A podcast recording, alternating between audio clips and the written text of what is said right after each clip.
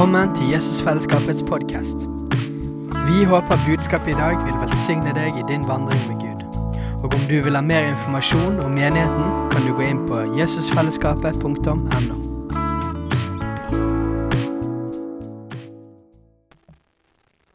Da flyter den.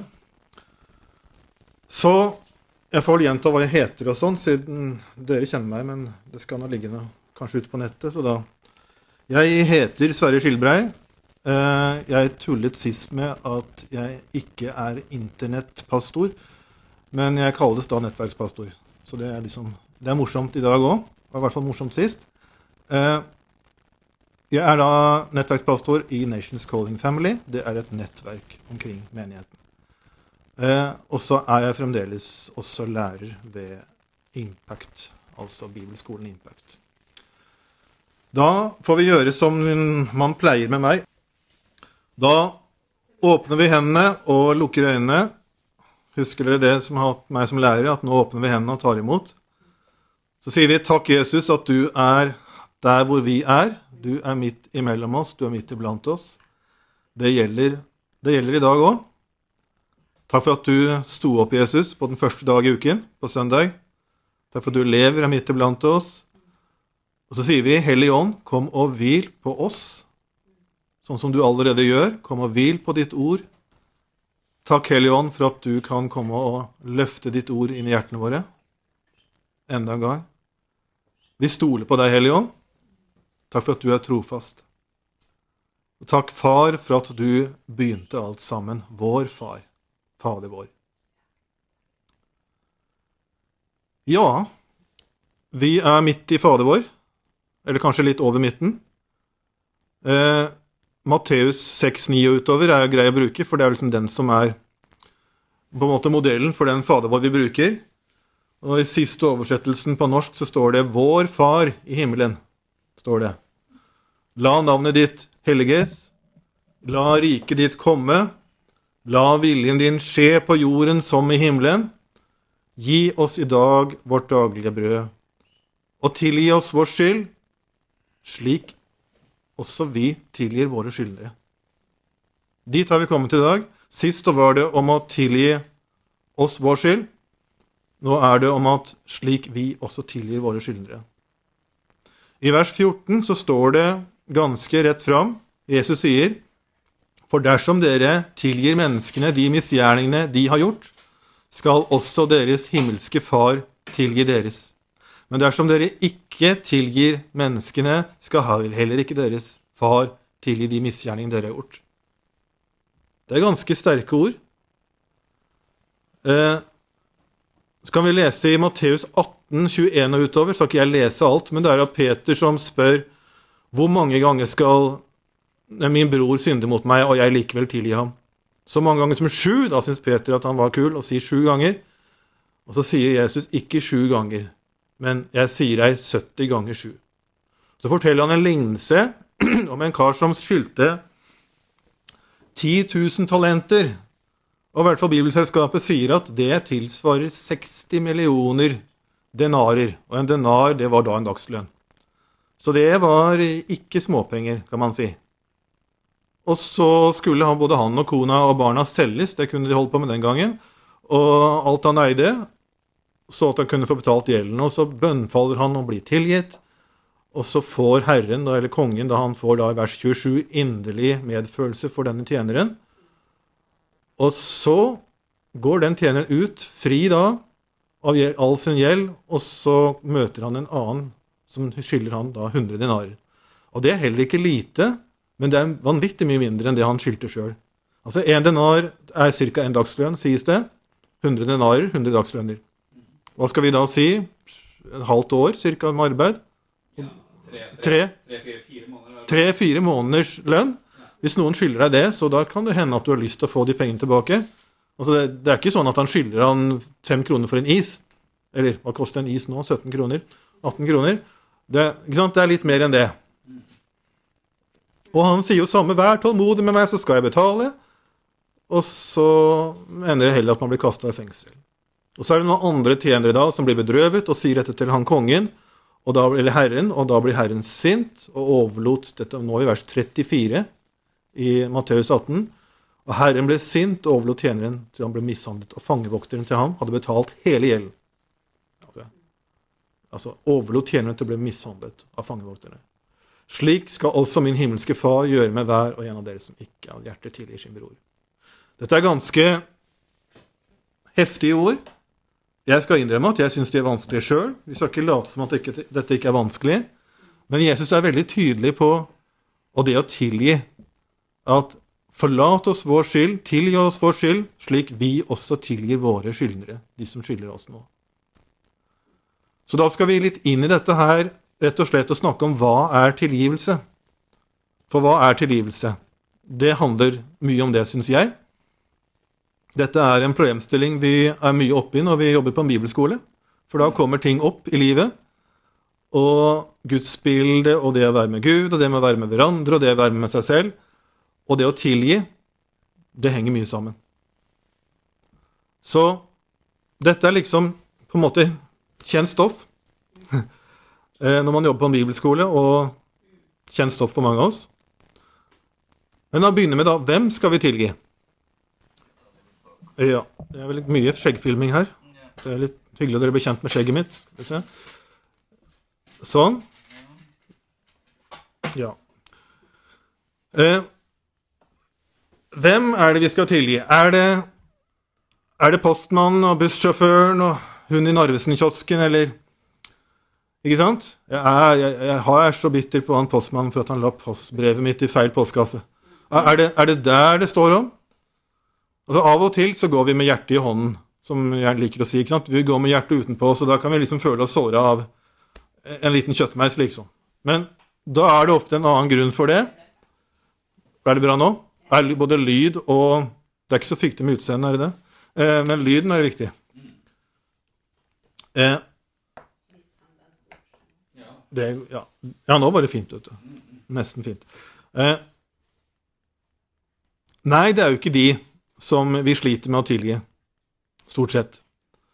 Det er de som står oss nær, ikke sant? Mor, far, søster, ektefelle, barn, nære slektninger, en nær venn, en kjæreste, en lærer, en kollega, en sjef, en leder, en pastor, en nettverkspastor. ja, voldsomt. Så de vi har gitt av oss selv til, de vi er, eller de vi var avhengige av, de vi var prisgitt, der sitter det ofte. Det er sant. Ja. Får vi amen fra sofaen her? Ja. Amen. amen fra dere. De kommer 23, om 23 sekunder. Om dere sier amen. Ja. Så sist så snakket vi om hvor viktig det var å se Jesus på korset og se hva Jesus har gjort for oss. Tror du at han døde for deg, ikke bare med hodet ditt, men med hjertet ditt?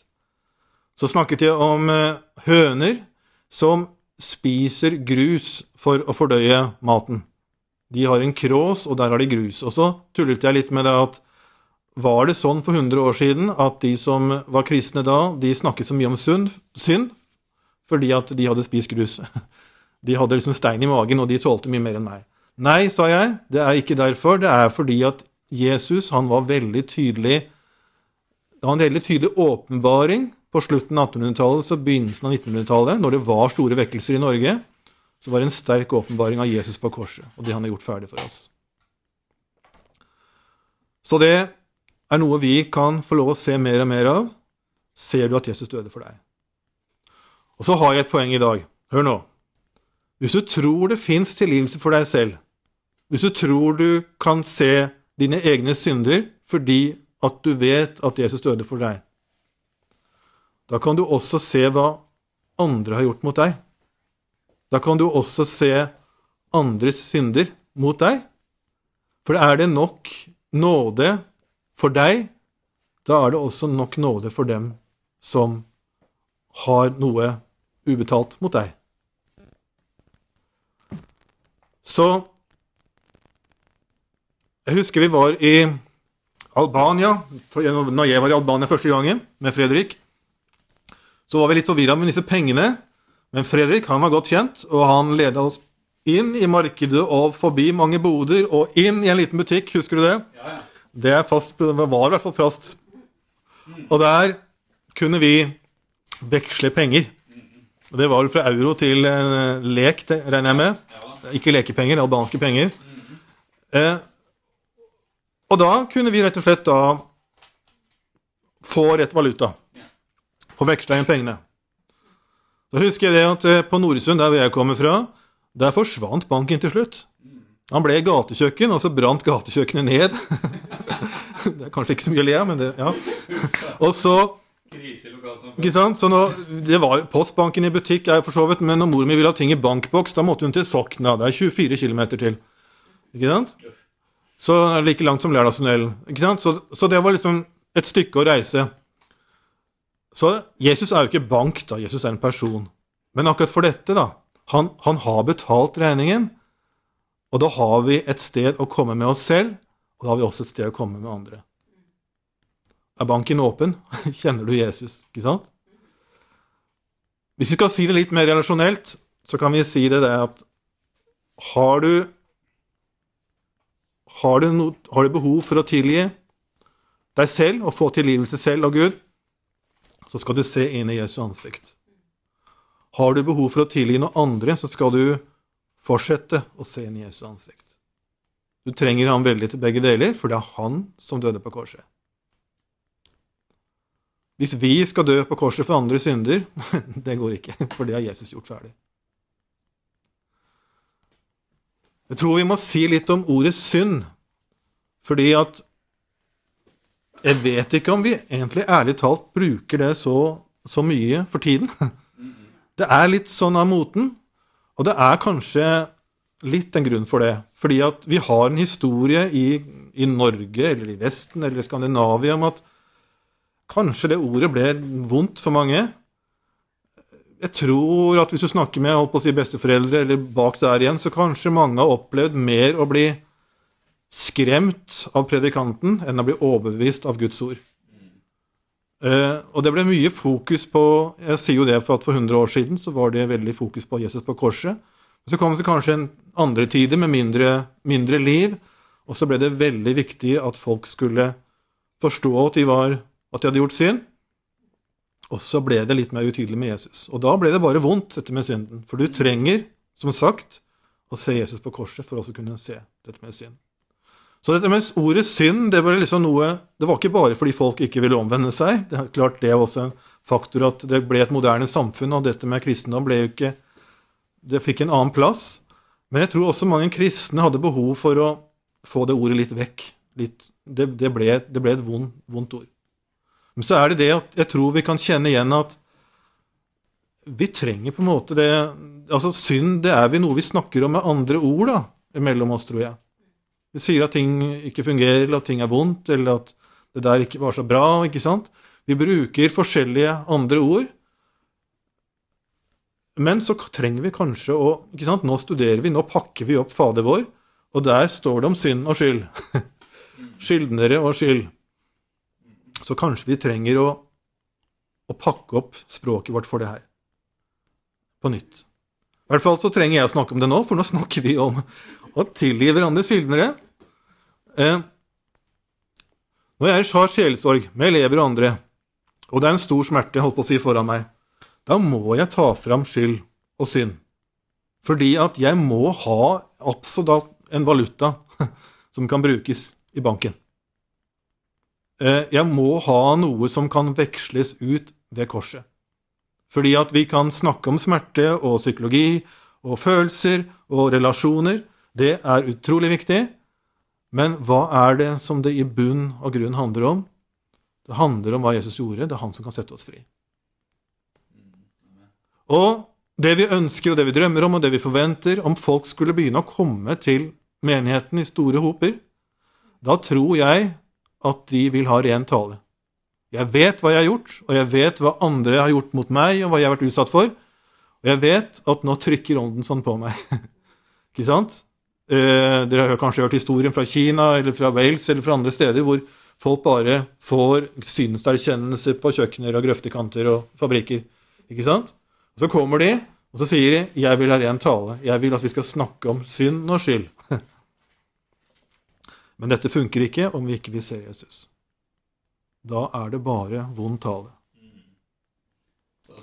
Yes. Amen fra sofaen.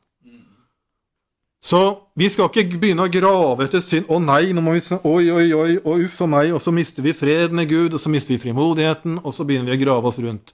Nei, la Ånden og Ordet overbevise om synd. Følsomme sjeler Det sitter blant annet en her, følsom sjel. ikke sant? Det er ikke alltid så lett å skulle begynne å liksom Oi, hva har jeg gjort for noe galt i dag, da, Gud?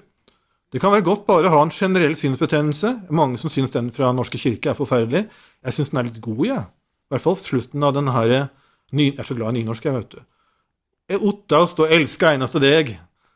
Tilgi meg alle mine synder og gjev at jeg må ottast og elska eneste deg. Ikke sant, Ingebjørg? Det er fint? Det er så, ja, det er så bra. Og bare kjenner bare Oi, det var godt. Eller David, ikke sant, i Salme 25. altså tilgi meg, eller Salme 139, nå blander jeg litt de to, men tilgi meg til og med de syndene jeg ikke vet om. Bare kunne si Ok, Gud, nå skal jeg legge meg. Kan ikke du bare Nå vet jeg ikke alt i dag, men tilgi meg mine synder. Og så bare kan vi begynne å venne oss til den følelsen at åh, nå har jeg lagt meg byrden. Husker du sist? Sist søndag.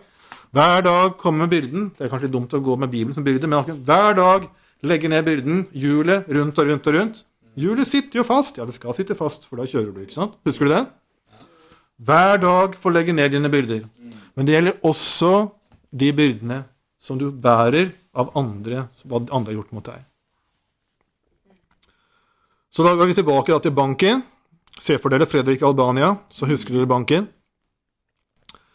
Jeg tror mange har et vrangt bilde av det å tilgi andre. I hvert fall, Det er litt i hvert fall, holdt på å si klisjeen. At å tilgi, det er liksom at vi bare må tåle, vi må bære over, vi må bare si at alt er greit, vi må late som alt er fint. Vi skal ikke ta oppgjør med noe, vi, og, og vi må høre alle kanskje synder som da er et resultat av at vi er under trykk sjøl, og det er vårt ansvar, men så er det kanskje andre synder som det ikke snakkes om, og så skal vi bare tåle, og så skal vi bare være der. Og så ender vi opp i en veldig vond skvis. Og fordi det er så viktig å være med Gud, og det er så viktig å være med fellesskapet, så har vi en tendens som kristne i å tåle sånne skviser. Å finne oss i sånne skviser. Og så ender vi opp så langt fra den friheten som egentlig evangeliet er. Den friheten som gjør at folk i vekkelsestider ikke klarer å tie stille om nåden. Og vi har så vanvittig god grunn for å være i den friheten, men så har vi så lett da for å ende opp et annet sted, fordi vi lager oss sånne rare ting om hva tilgivelse er. Jeg, jeg, jeg må tilgi det, sier Jesus. Ok, da må jeg bare si at dette er helt greit. Ikke sant? Noen som kjenner seg litt igjen? Ja. Nikk med webkamera. Ja. Ikke sant? Nikkes i sofaen, iallfall. Ja. Amen på livestream. ja. Amen om 23 sekunder. Ja. Så hvordan skal jeg da ikke sant? Dette kan bli en svær byrde som kan til og med gjøre at folk slutter å være kristne. Det blir så men, ikke sant? Typisk når folk blir 40 eller 50. Nei, nå har jeg brukt opp all min ungdomskraft på å bare holde ut. Nå klarer jeg ikke mer. Nå forsvinner jeg. Derfor mener jeg at evangeliet må stå plantet midt i menighetene våre, midt mellom oss, fordi vi trenger evangeliet så vi kan bli værende. Og vi trenger det i unge år, mens vi ennå er fulle av kraft og kan sove på madrasser og bedehusgulv og gjøre hva som helst og døgne og gjøre alt for Jesus. Da trenger vi å være planta ja. Men Nå skal ikke snakke meg vekk om det, men nå skal jeg snakke om at jeg liker ofte å sette dette på hodet. Jeg liker at når vi skal tilgi mennesker, så skal vi gjøre det motsatte av hva vi tror vi skal gjøre. Og nå, Fredrik, kan du gå rundt og være klar med kamera. For nå skal jeg gjøre noe som dere kan mimre om, dere som har gått på skolen. For til og med ti år siden tror jeg kanskje jeg gjorde dette her. Oh, Ja. kameramannen fikk støt. ja. Så da må vi få filma. Nå må du se hva du gjør, Fredrik. Oi. Ja. Det er ikke så lett. det. Så her er det noen synder mot meg, ikke sant? Hører dere meg? Ja. Det er for... ja. Og så skal vi da si Å tilgi er å glatte over. Skal vi gjøre det? Å tilgi er å glatte over. Åssen går det med og- og glattingen her? Se så glatt. Se så glatt det ble. Vi har du strykejern, Ingebjørg? Dette ble fint. Sånn. Ok, da kan du kanskje sette det ned igjen. For nå tror jeg vi har gjort et poeng her. Eh, jeg, kanskje, jeg skal montere dere, jeg. Kjære menighet, skal montere dere. Sånn. Ja. Sånn. Hvordan, hvor glatt ble det her? Hvor fint og glatt ble dette papiret? Er ikke det fin fred og evangelisk frihet her? Og det ble så bra med livet mitt med den, og den glattingen. Jeg vet ikke om det er noe rødt igjen i hendene mine, men det var ikke så veldig behagelig. Og dette er ganske mye nøkler. Det fungerer litt dårlig. Er vi enige om det?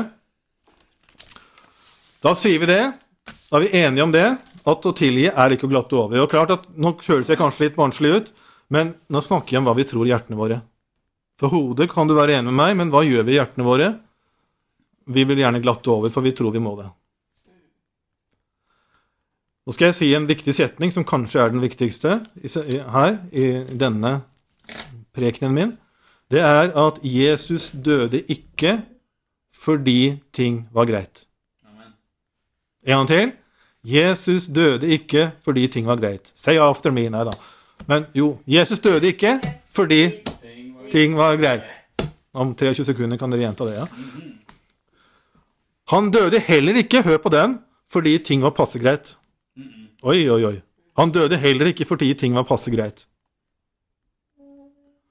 Å bare si at ting var greit, eller forsøke å glatte over, det er ikke å tilgi.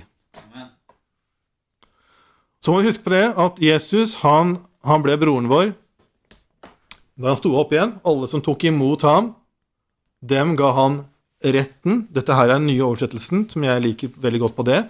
Han ga dem retten til å bli Eller i Dette er jo da Johannes 1,12. I Galaterbrevet 4 står det 'være'. Det liker jeg enda bedre. Retten til å bli, retten til å være Guds barn. Det er en setning du kan meditere på i 17 uker. Så kan du så hver, uke, hver tredje uke kan du bytte fra retten til å være Guds barn, ikke sant? Det er en fantastisk setning. I gamle dager sto det barnekår, og det syns jeg heller høres ut som et skap. Kråskap. Det er et gammelt ord som heter barnerett. Det er nærmere gresken. Men når vi sier 'retten til å være Guds barn', da ser vi litt Oi sann. Å bli en kristen, det er retten til å være den du er, og du har en så vanvittig verdi. Og Jesus, han kjenner faren vår, og han forholder seg til dette. Du vet hvordan Jesus responderte overfor de som var svake, eller de som var barn, eller de som var utsatt. Hva sa han da? Det dere gjorde mot en av disse mine minste, da er ikke det bare barn, ikke sant? da er det de som sitter i fengsel, de som er syke, de som er fattige, de som har det vondt på en eller annen synlig eller usynlig måte. Ikke sant? Det dere gjorde mot en av disse mine minste, det gjorde dere mot meg. Og det dere ikke gjorde mot en av disse mine minste, det gjorde dere mot meg. Ikke mot meg, ikke sant? Når, det kommer småbarn, egentlig babyer, til Jesus, så er det én av to ganger hvor det står i Bibelen at Jesus Han ble sint flere ganger, sikkert, men hvor det står at han ble sint. La de små barn komme til meg, sa han, og hindre dem ikke. Og så er det snørrungen i Kapernaum, som jeg liker å si, for kapitlet videre i Markus. Eh, og disiplene har vært på teamtur med Jesus, og de er ganske høye på Oi, hvem av oss har liksom gjort det største, og hvem av oss er størst? Så tar han den lille snørrungen som var i veien, unge på kanskje fire til fem, seks, sju år, setter han, tar hånden omkring han og sier at den som tar imot et slikt lite barn i mitt navn, han er den største blant dere. Så i alle aldre, retten til å være hans barn, det, det handler om en enormt stor verdi du har. Så det å tilgi er ikke å si at 'nei, det er, så, det er så viktig, det som skjer nå', eller 'nei, jeg er så svak', eller 'jeg, å, jeg, har- jeg har syndet', eller 'jeg har gjort feil', så, så 'nei, det er ikke så nøye med meg'. Da skal du være enig med Jesus, så må du si at 'nei, det er farlig'. Selv de små farlige tingene.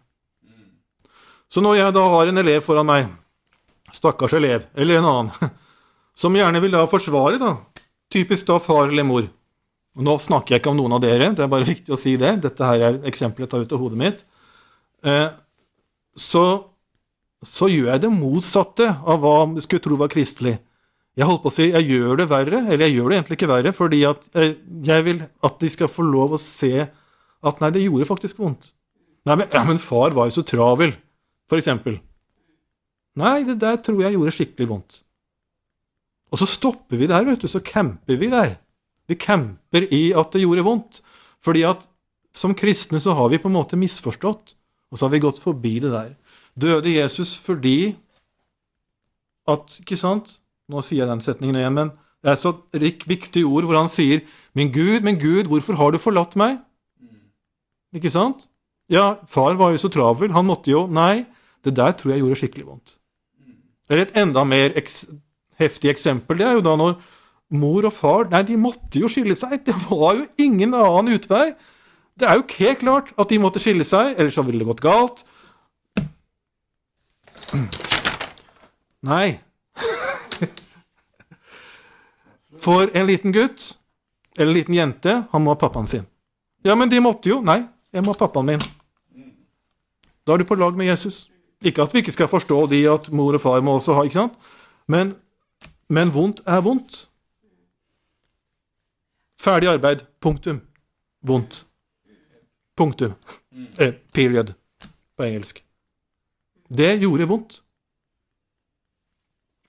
Så når den jeg har foran meg, vil gjerne unnskylde eller gå videre, skal vi ikke, skal vi ikke be den der bønnen snart? Nei, vi skal ikke det.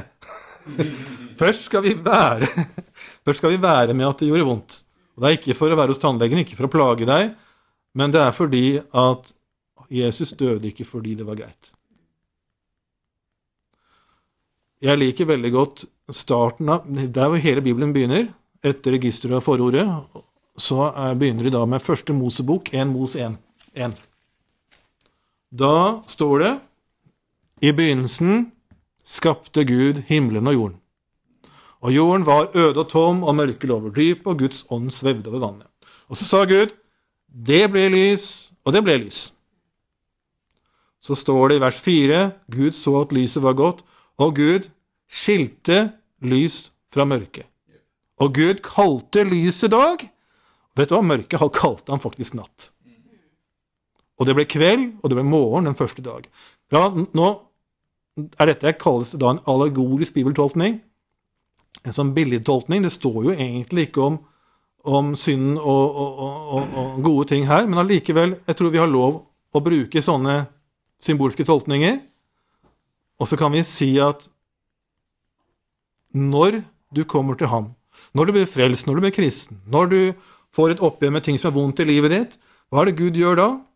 Han kaller lyset i livet ditt for godt, og så kaller han mørket i livet ditt for mørkt.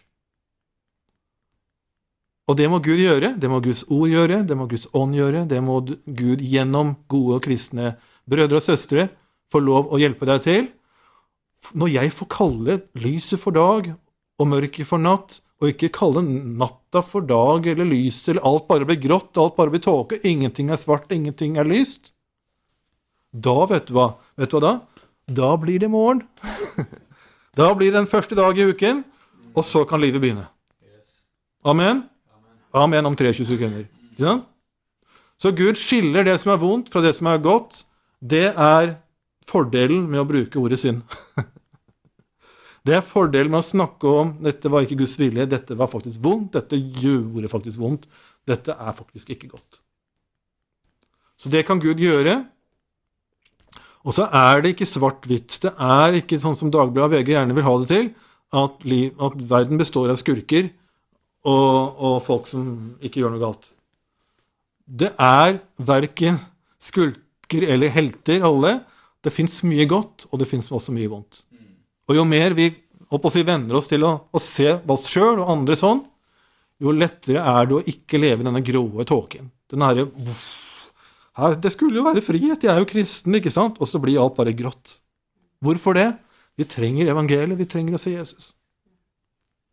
Fortell meg historien om Jesus, så jeg ser en sang på engelsk. Så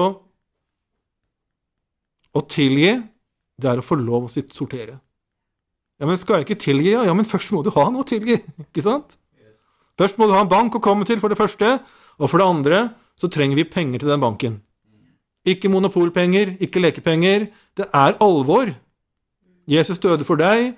Han døde ikke fordi at det som skjedde i livet ditt, var greit. Han døde fordi det ikke var greit. Verken det du har gjort, eller det andre har gjort mot deg. Det er alvoret og friheten i evangeliet. Så da har vi rett valuta, vet du. Og da må jeg faktisk snakke om synd. Og i starten, når jeg holdt på med dette her, syntes jeg Oi, nei, men skal vi Disse fine foreldrene her eller de Ja, men det er sikkert en god mamma og verdens snilleste pappa. Nei, men alle foreldre, alle brødre, alle søstre, alle bestevenner, alle kjærester, alle pastorer, alle nettverkspastorer har faktisk ikke, er faktisk ikke perfekte. Denne opprydningen i å kunne få sortere litt, den trenger vi egentlig alle sammen. Noen ganger sitter vi fast, og da trenger vi det ekstra mye, men vi trenger det uansett. Så da kan faktisk mor være verdens snilleste og far være den så god som han bare vil, eller hvem det nå ellers er i livene våre, så kan vi likevel få snakke om synd. Ja, men psykologer sier kanskje helst at nei, men det var ikke så hensiktsmessig, sier gjerne de. Det er ingenting som er galt, men det er liksom Nei, men Gud sier at noe er galt. Gud sier at noe er riktig. Gud har ordninger. Hva er en far? Hva er en mor? Hva er forholdet mellom barn og, og foreldre?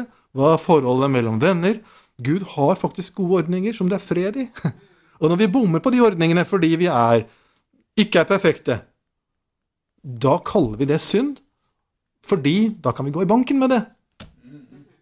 Ikke sant? Da har vi noe å veksle inn.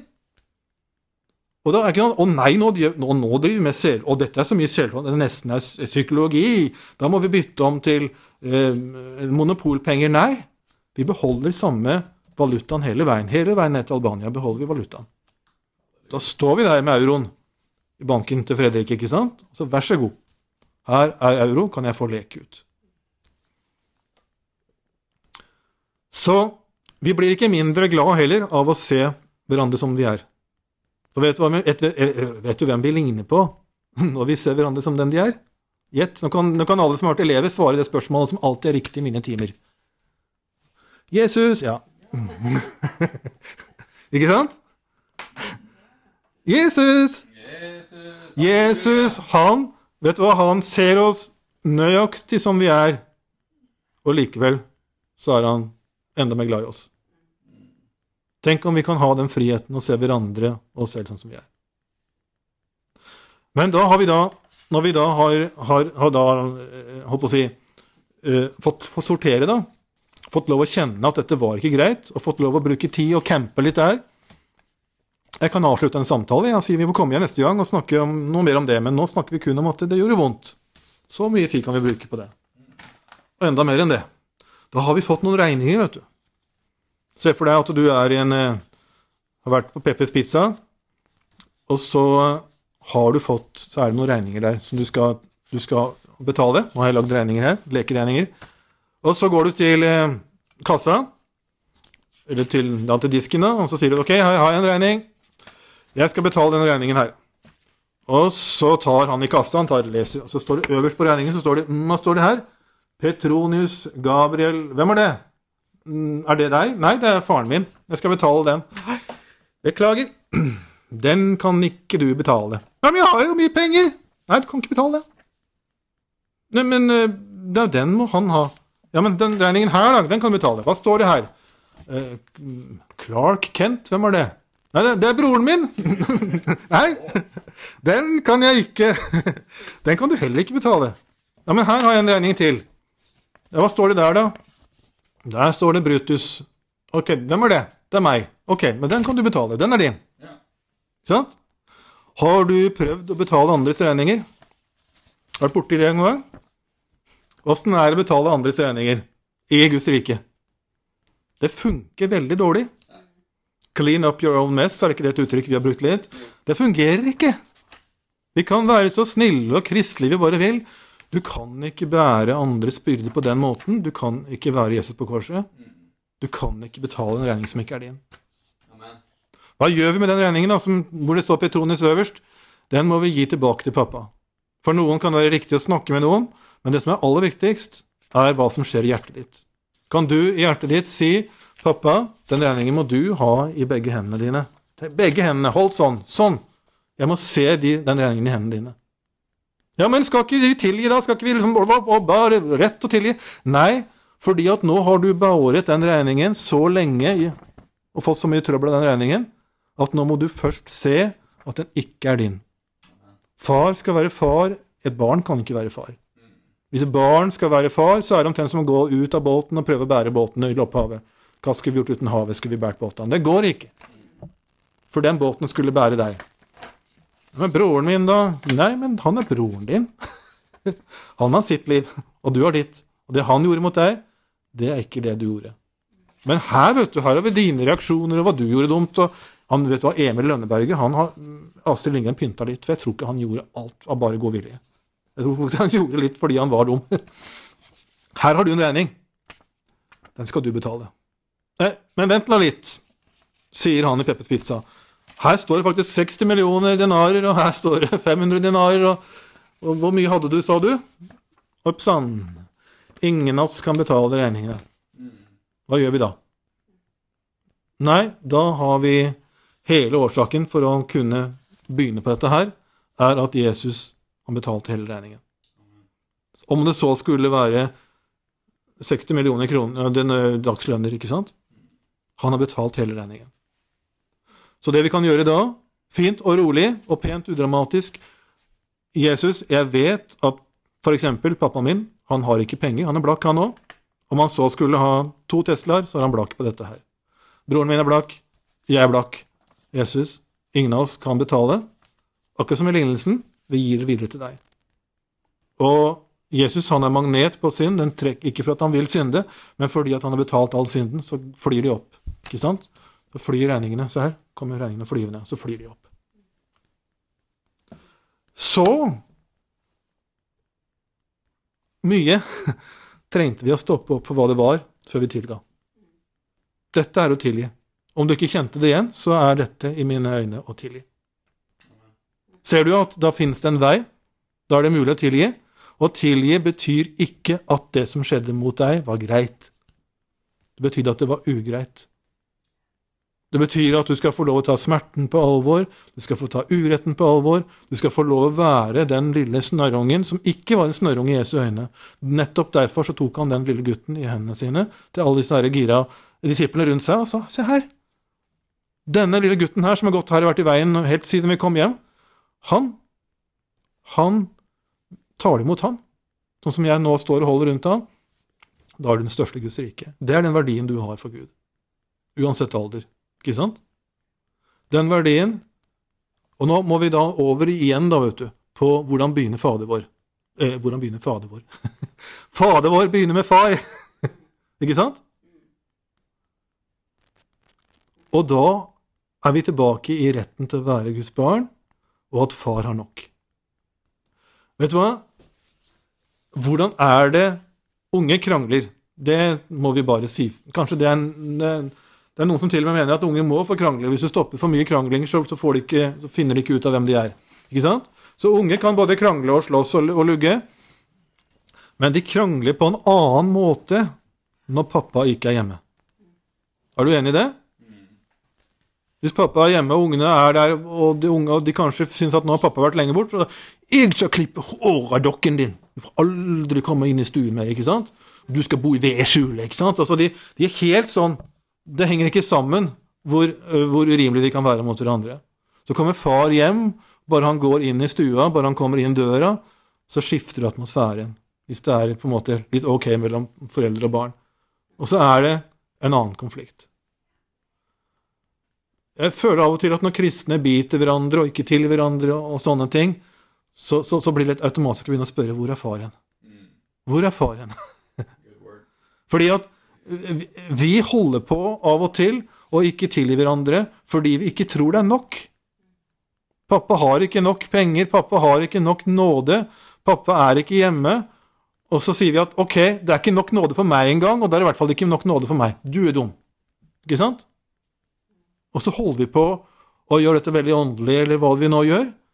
Og om vi da skriver leserinnlegg mot ikke sant? eller om vi krangler, eller om vi snakker bak hverandre, og så sier vi at det er ikke nok. Derfor så må jeg ha min rett. Og så må jeg sørge for at jeg har rett. Ikke sant? For det vi holder på nå nettopp, det er bare å gi fra oss både mine regninger og andres regninger. Det handler om at vi har en far som vi stoler på, som har kommet til oss, og som har kommet helt ned. Jesus kom helt ned, han betalte alle regningene. Rødehavet, hvor mye vann var det igjen der? Var det en halvmeter vann så ikke de minste kunne komme over, eller var det helt tørt? Jesus, ikke sant? Rødehavet, Moses gjennom Rødehavet, det er et bilde på nåden. Det gikk gjennom på tørre landet, står det. Det var nåde nok for alle. Har vi en far, vår far, Fader vår, Far vår far, la navnet ditt være hellig.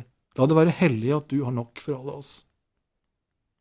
Så står det noe ganske interessant. I Fader vår så står det tilgi, står det 'tilgi min skyld'. Jeg syns det er ganske bra ja, når vi er aleine, at vi til og med da kan be 'tilgi min, vår skyld'. 2. Korinter 5,21.: Han som ikke visste av synd, han har gjort, Gud gjort til synd for oss. Oss, sier Ingebjørg. Amen. Oss for at vi Kjære folk, vi da som fellesskap og menigheter og menighet og familie skulle få del i Guds rettferdighet. Du er et nådefellesskap med andre som stadig vekk gjør dumme ting, som stadig vekk kan gjøre deg urett. Og vet du hva som skjer da? Han gjorde det, det var min, og den er min også, ikke sant? Vi kan holde på sånn mellom oss når vi er aleine. Så kommer far, så løfter han alt opp på et høyere nivå.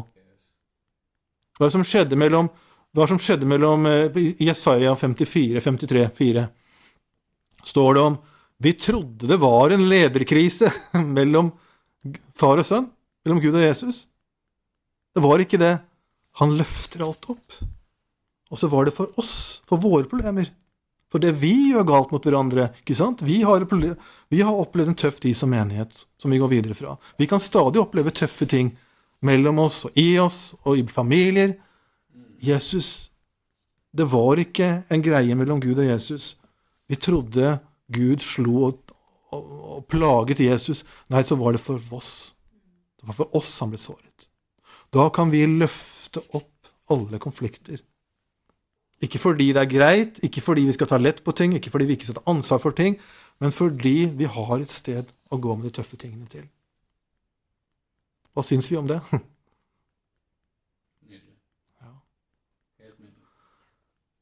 Jeg tror at det var det meste jeg har å si om dette nå. Jeg vil bare gjenta, eller gjenta, jeg vil bare si det jeg hadde tenkt å si, at å tilgi er også en beslutning. Du skal ikke liksom må ha åtte timer med sjelesorg eller å gå og gruble hjemme for å tilgi. Du kan også bare bestemme deg for å tilgi, men, men det er ikke en motsetning mellom at vi snakker om det her, og at vi tar den beslutningen. Det henger sammen. Så vi ber litt. Vår Far, du som er i himmelen. Du som er vår far, du som har nok, du som valgte av din egen frie vilje å sende din sønn, du som ga din sønn for at han skulle betale alt som rammet oss, ikke bare det som vi gjorde, men også det som rammet oss. Takk, Jesus. Takk, Far, for at du er den faren. Og la det være hellig i mitt liv. La det være hellig i våre liv, og la det være hellig hos oss som menighet, som oss som fellesskaper. La det være hellig at du er den far som er hjemme. Og takk, takk, takk. La ditt rike komme. La evangeliet bli utbredt på jorden. Takk for at når du kom, Jesus, så kom ditt rike gående i sandaler. En mann som hadde tenkt å gi livet sitt, sånn at Ditt rike kan ta Jeg må ta den, jeg glemte den. Midt i bønnen, vet du, akkurat som Paulus som midt i Efeserbrevet begynner å forkynne igjen. Når han skulle be. Her har jeg en strikk. Åssen går det med tiden? Vi tåler det. Her har jeg en strikk. Eh, bitterhet. Hva er bitterhet? Bitterhet er at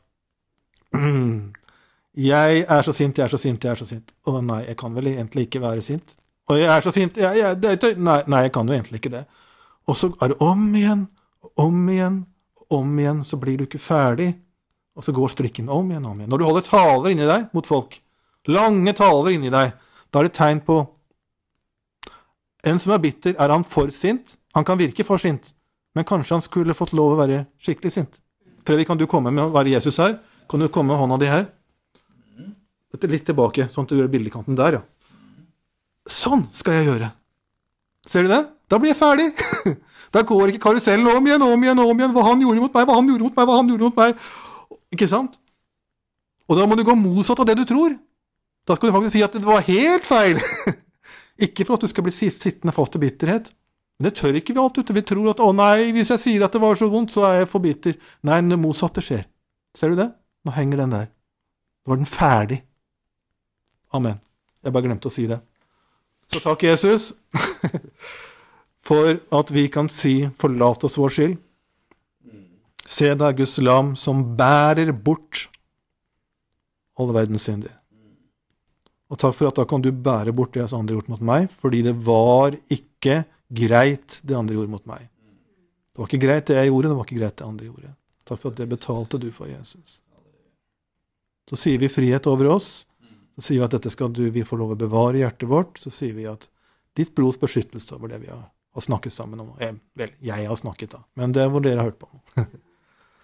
og så sier jeg det at dette er kanskje litt heftige ting. Kanskje det var litt bra at jeg fikk sitte i stolen din hjemme og høre det her. Eh, kanskje du har behov for å se det igjen bare aleine, eller høre på podkasten. Kanskje du har behov for å snakke med noen. Det fins det folk i menigheten som kan gjøre, selv om vi gjør det elektronisk. Bare så du vet at jeg vet at dette her kan være utfordrende stoff. Jeg er vant med det. Så ikke lur på det. Ikke tenk at oi, var, oi, hva skjer nå, liksom? For nå har vi rysket litt opp i ting. er det greit? Så da kan vi, kan vi nikke sånn ja, ja. Ikke sant? At da kan vi ta det på alvor. Så kan du snakke med noen som er, du har tillit til og fungerer å snakke med, eller noen av oss, eller du kan høre talen i ro og fred aleine på nytt hvis du trenger det. Da tror jeg jeg sier amen. Ok?